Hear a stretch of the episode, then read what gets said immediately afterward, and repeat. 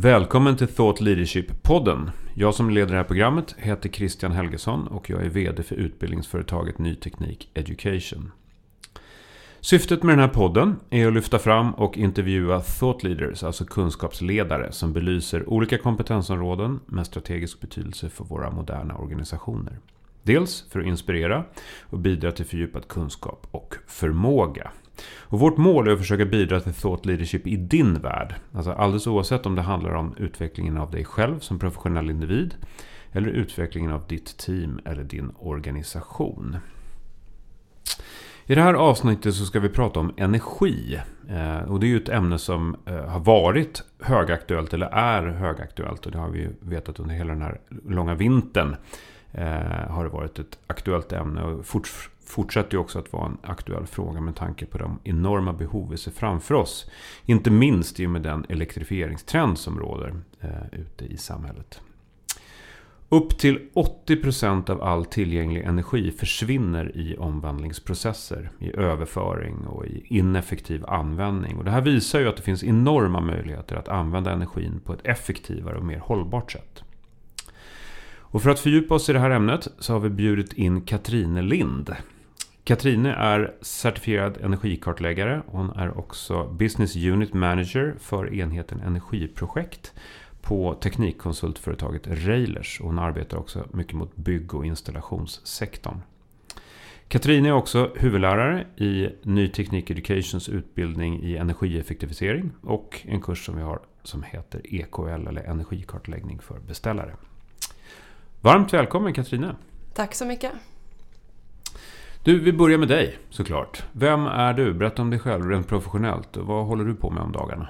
Ja, eh, jag är i grunden civilingenjör i energisystem och har jobbat i bygg och fastighetsbranschen med energirelaterade frågor nu i 12 år blir det väl.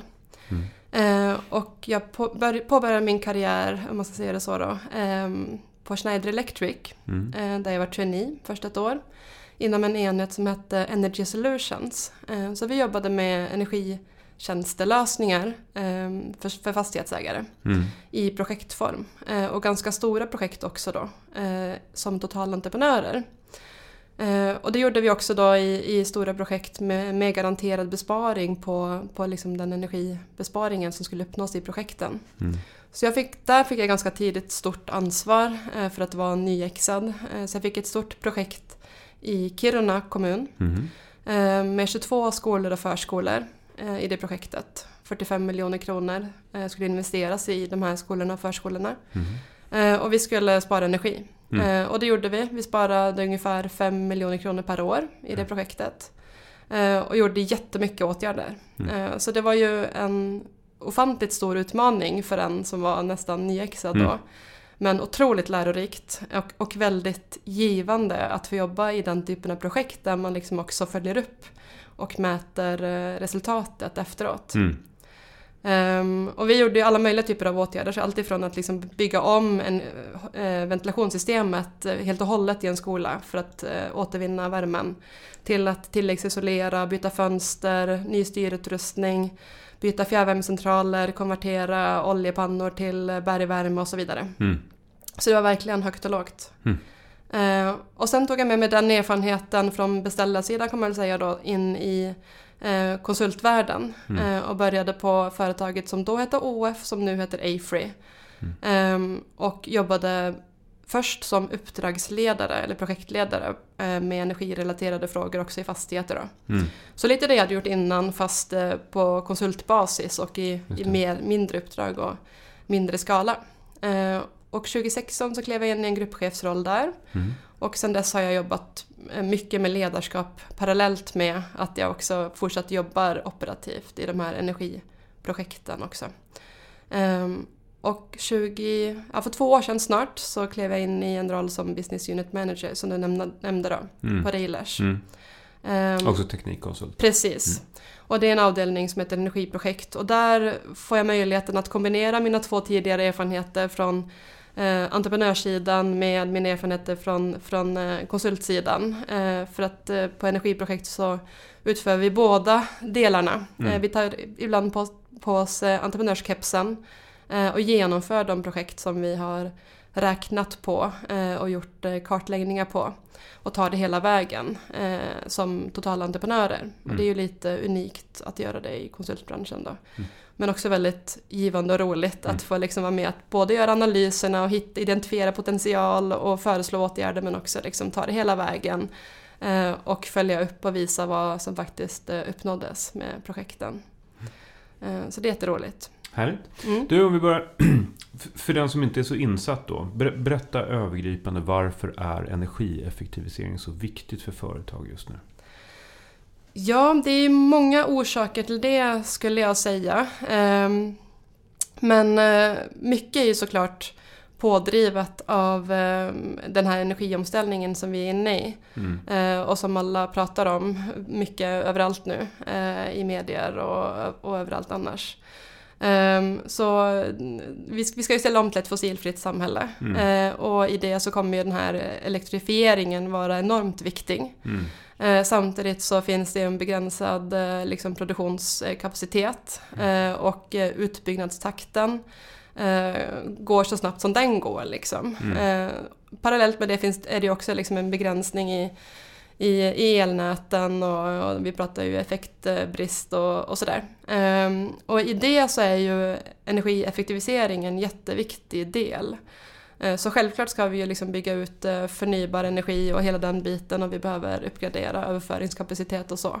Men eh, energieffektivisering, alltså den energin vi inte förbrukar, är ju ändå den absolut viktigaste. Så att se över att vi använda den energin vi faktiskt använder så effektivt vi bara kan, det ska vara steg ett. Mm. Um, så det, det, det är ju mycket därför som det har blivit så mycket fokus på det. Sen är det ju andra faktorer kanske som gör också att det, alltså både privatpersoner och företag nu um, verkligen liksom har vaknat upp och det är ju bland annat elpriserna då som har gått upp såklart, ja. påverkar ju jättemycket. Mm. Um, och det, det har man ju sett historiskt också liksom att när elpriserna historiskt har varit väldigt låga så, så är det dåliga incitament för att faktiskt göra saker. Ja, såklart. Uh, så ja, det, det är mycket som händer i omvärlden mm. um, som påverkar och, och driver det i den riktningen. Och vi måste ju verkligen uh, göra så mycket vi kan också. Så.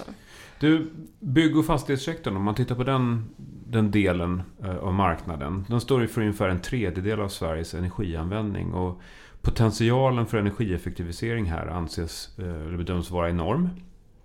Och för att öka omställningstakten på marknaden så är det ju då kritiskt och viktigt att uppgradera befintlig bebyggelse. Eh, och många industrier använder gamla byggnader och gammal infrastruktur som inte är utformade med tanke på, på energieffektivitet. Och, och fram till nu så har det kanske inte funnits riktigt de incitament på plats. Eh, exempelvis låga priser på energi tidigare. Då, eh, för att driva på den här utvecklingen. Så vilka, vilka är de, mot den bakgrunden, vilka är de främsta frågeställningarna eller utmaningarna som ni stöter på i era kunddialoger just nu? Nej, men jag skulle säga att det, det är kanske dels kunskapsbrist eh, och dels att man saknar en långsiktighet i de här frågorna eh, som är lite bromskloss eller som blir lite tröskel för företagen. Eh, så att jobba med energieffektiviserande eh, åtgärder och insatser har ju alltid varit lönsamt och nu är det liksom mer, mer lönsamt än någonsin. Mm. Ehm, men ändå så kan liksom tröskeln vara lite för stor. Och det kan också bero på att det är liksom inte det som är kanske närman, närmast ens egna verksamhet. Så jobbar man, är det en industri till exempel så är det ju liksom Fokus blir ju produktion då mm. Eh, och kanske inte så mycket på effektivisering. Eh, medan det är ju klart att har man förståelse för vad som faktiskt kan göras och hur mycket som kan sparas så är ju det på nedersta raden jätte, jättevärdefullt såklart. Mm. Eh, men då gäller det att man dels har den kunskapen Eh, och kanske också liksom eh, tid och mm, ja, så för att kunna genomföra det. Mm. Eh, så ja, och den här osäkerheten i omvärlden som vi ser just nu då eh, med kommer vi kunna hur ser energiproduktionen ut? Var köper vi energi ifrån? Eh, ska man ställa om till lite mer lokal produktion och de sakerna också? Mm. Eh, driver ju på utvecklingen här åt rätt håll. Mm. Eh, men eh, jag tycker ju ändå att den går långsammare än vad den borde göra, trots allt. Ehm, så ja, främsta utmaningarna skulle jag ändå säga är kanske i första hand kunskapsbrist eh, och, och, som sagt bristen på långsiktighet och att man gärna vill liksom ta åt lite mer quick fix saker istället för att ta helhetsgrepp eh, om de här frågorna. Mm. Um, mm. Om man tittar på segment och branscher, eh, vad rör det sig snabbast just nu? Vad är, vad är de senaste trenderna? Um, ja, just inom eh, bygg och fastighetsbranschen så skulle jag väl ändå säga att eh, en stark trend just nu är ju det här med cirkulärt byggande. Mm. Eh, och att man eh, inte bara tittar på kanske en energianvändning och effektivisering där utan även på resurser, eh, materialanvändning, hur kan liksom, den biten effektiviseras och hur kan vi återbruka och liksom, processer för det. Eh, att man inte ser på material som avfall längre liksom, utan hur man kan använda det i andra sammanhang. Mm. Um, jag tycker också att man kan se lite grann nu att uh, gamla sanningar utmanas eftersom att det är nya förutsättningar. Uh, eh, både med mm, att elpriserna har sett ut som de har gjort nu då uh, och till exempel att det har varit materialbrist inom vissa områden. Och, um, sådana saker gör ju att man tvingas liksom tänka om eller tänka utanför boxen och hitta nya lösningar och då kanske sånt som man tidigare inte har tyckt har varit lönsamt har blivit det nu. Mm. Eh, så det är liksom en spännande period vi lever i tycker jag, för det kräver att man tänker till lite extra eh, och hänger med i utvecklingstakten. Mm.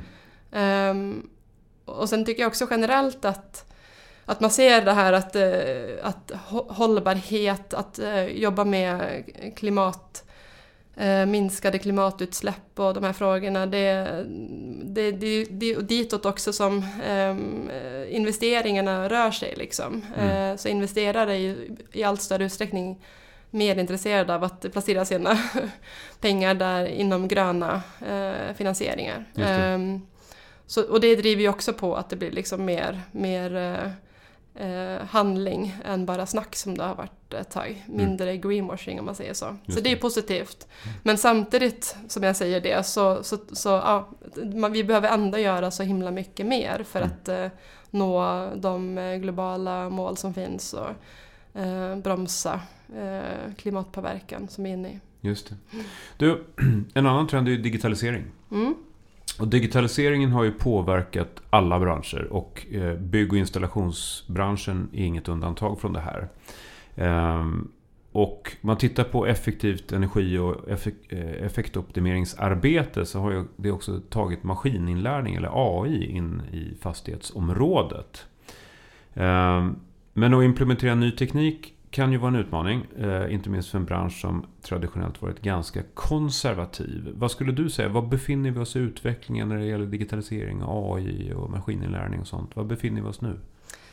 Um, ja, nej men där händer det jättemycket. Och mest märks det nog eh, inom liksom, när man bygger nytt. Ja. Um, så, så händer det ju jättemycket på det området. Jag jobbar ju främst med liksom befintliga fastighetsbeståndet och där mm. händer det inte alls lika mycket. Men där borde det finnas potential Där också, finns det jättestor potential. Mm. Och då, men då är det också lite så här, om, om underhållsbehovet är jättestort eh, och det är äldre system som sitter i fastigheterna och liksom Eh, då är det ju det man ska göra först och främst. Mm. Byta ut systemen så att de blir eh, så effektiva som möjligt och moderna och kan prata med varandra. Liksom. Det är ju en grundförutsättning för att sen kunna och, och, koppla upp det mot ett överordnat styrsystem och sen kunna börja integrera liksom AI-funktioner och, och, så få systemen att bli smartare i sig. Mm. Eh, så där skulle jag ändå säga att eh, det finns ju, tekniken finns ju absolut. Men det är lång, lång väg kvar att gå? Det är ganska lång väg kvar att gå om man ser till befintliga byggnader. Ja.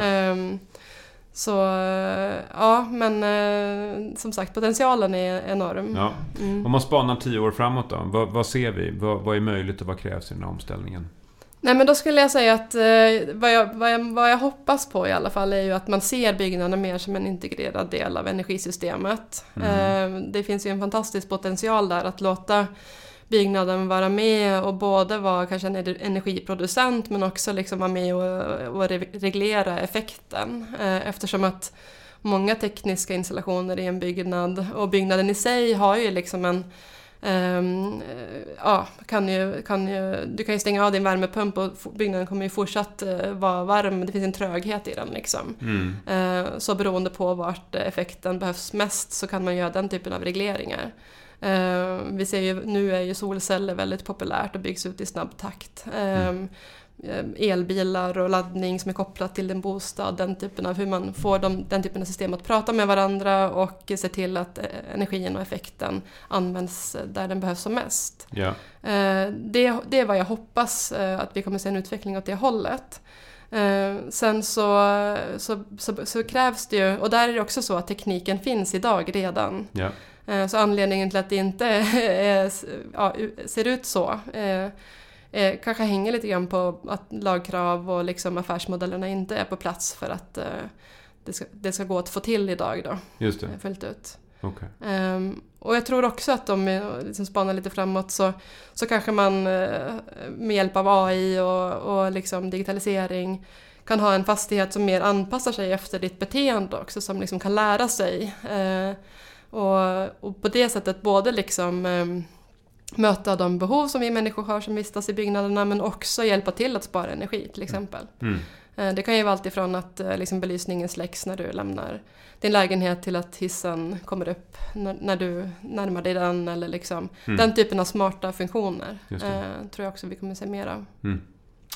Sen kan man också se byggnaden som en resurs för den gröna omställningen.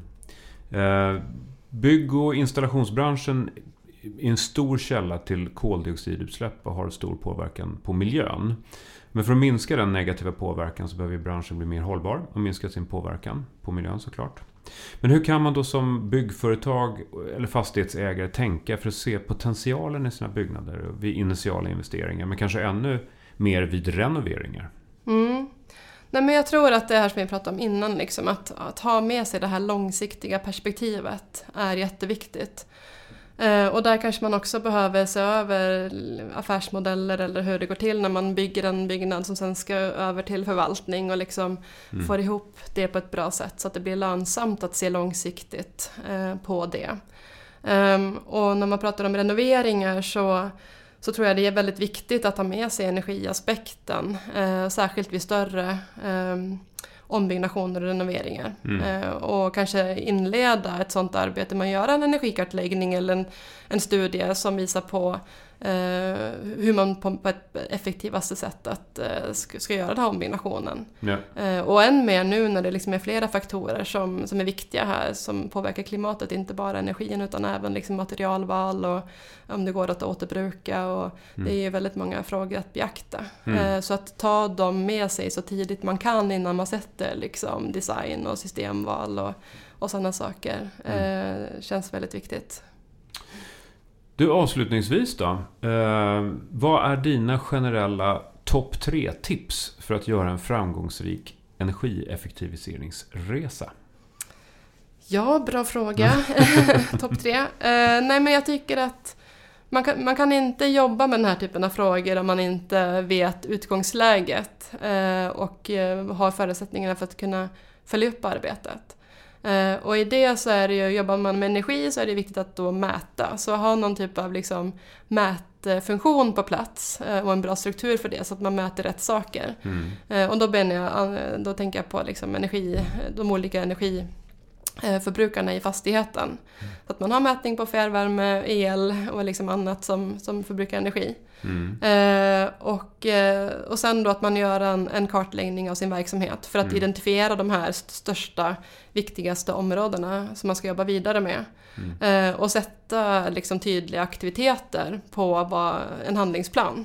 Eh, på vad som ska göras och vem som ansvarar för de olika aktiviteterna och tidsätta det. Um, och därefter att man sätter uh, mål och uh, nyckeltal um, att, att göra uppföljning mot. Mm. Um, och när man genomför aktiviteterna då mot de här målen att kunna redovisa på res resultaten och kommunicera ut det till medarbetarna för att liksom involvera och skapa engagemang i de här frågorna tror jag mm. också är, är jätteviktigt. Just det. Härligt! Stort tack Katarina för att du medverkade i det här poddavsnittet. Ja, men tack så mycket för att jag fick komma. Och stort tack till er som har lyssnat.